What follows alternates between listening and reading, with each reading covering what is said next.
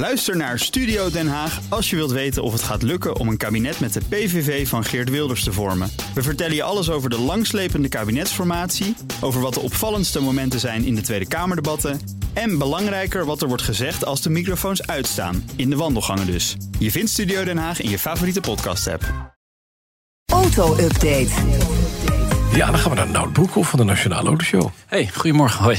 Dag Nout, goedemorgen. Hoi. Ja, opmerkelijk, want BMW blijft geloof houden in auto's die op waterstof gaan rijden. Met zo'n zo'n fuel cell. Iets Ja. waar Toyota aan begint te tornen. Ja. Waar BMW al twintig jaar geleden mee bezig was. En nog steeds zegt, nou daar zit wel kans in. Ja. En ik moet zeggen, ik geloof ze. Ja, toch wel? Ja. Ja, het is wel een beetje trekken aan een dood paard, toch? Eh, het is, We komen er maar straks achter dat die batterijtechnologie allemaal heel erg milieubelastend is. Ja, nou, dat weten we eigenlijk al. Dat weten we. Ja, Ja, ja, ja. Dan is Nee. dit een beter alternatief voor het milieu. Dat zou je zeggen. Mag Maar je niet roepen, want dan word je afgeslacht. ja, dat vindt de EV-lobby niet leuk, pas. Nee. Als je dit roept. Nee.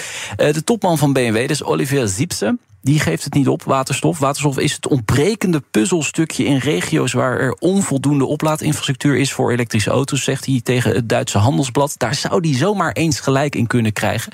Maar ja, dan moet je natuurlijk ook tankstations hebben. En die infrastructuur, die tankstations, dat is ook een groot ding. Ja. Die zijn duur, die tankstations, die zet je niet zomaar overal neer.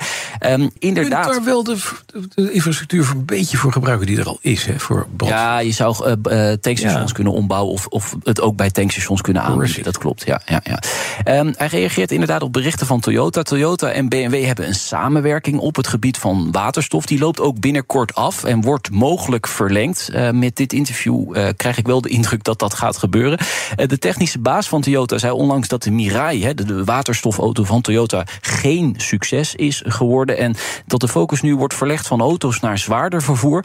Dat is voor BMW geen enkel probleem, zegt Sipse. Want daar mikken wij ook op. Wij mikken ook op grotere voertuigen. Dus de SUV's, geen vrachtwagens, maar SUV's. De X5 rijdt al rond op waterstof. Dat is nog een test.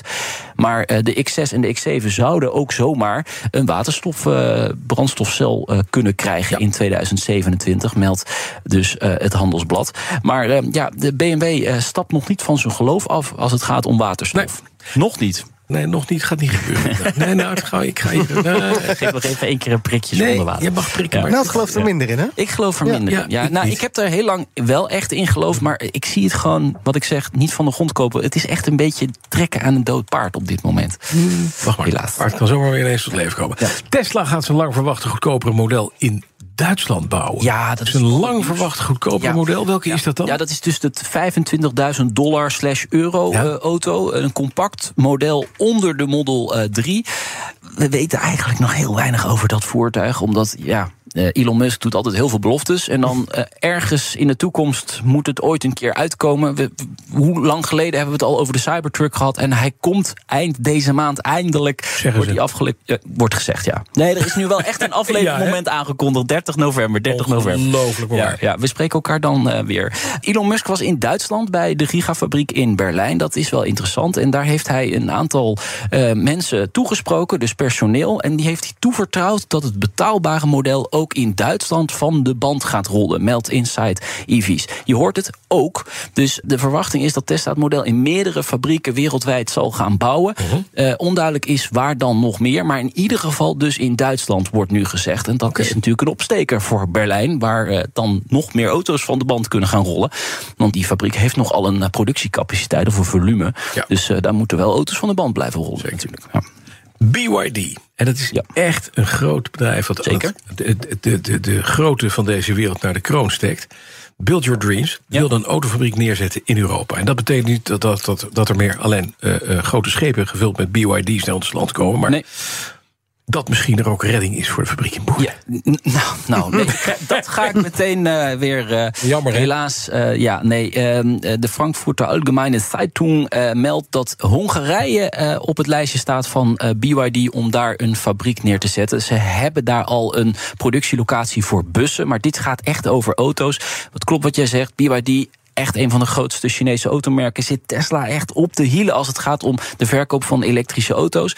Nou, zo'n fabriek in Europa is eigenlijk vrij logisch het gevolg van het ambitie van het merk. Hè. Ze willen uh, ook hier in Europa uh, de markt uh, gaan veroveren. Importeur Lauwman denkt zelfs over een paar jaar dat BYD in de top 3 staat hè, van best verkochte merken in Nederland. Dus ja, ze hebben enorme ambitie. En ja, daar bovenop komt dat er ja, mogelijke handelsbarrières komen. En die kunnen dan omzeild worden. Omdat ja. ze dan toch in Europa uh, gaan uh, produceren.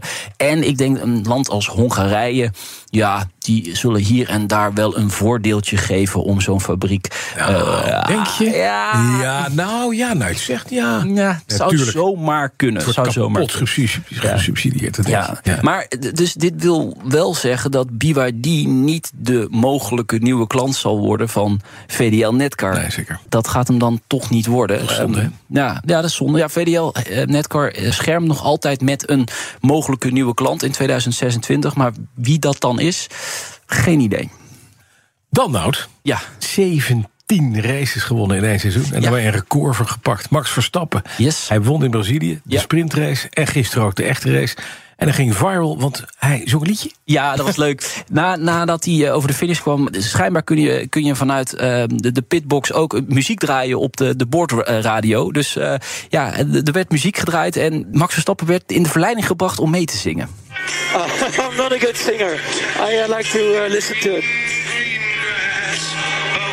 Oh, oh. Let's go.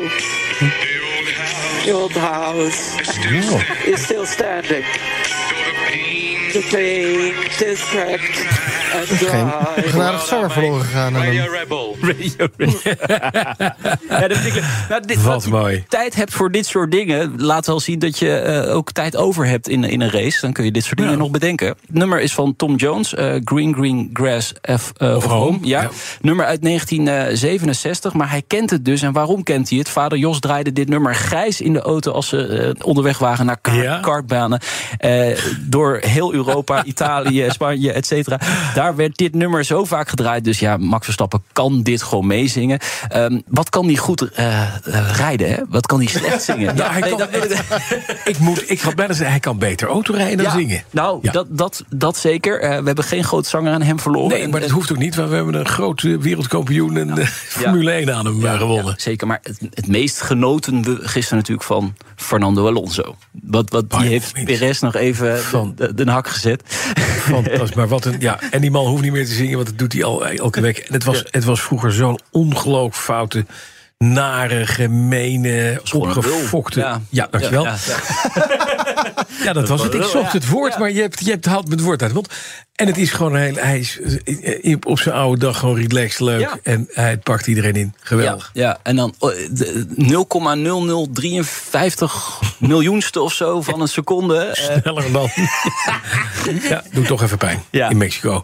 Heel erg veel pijn bij Perez. Dankjewel, Nou Broekhoff. De auto-update wordt mede mogelijk gemaakt door Leaseplan.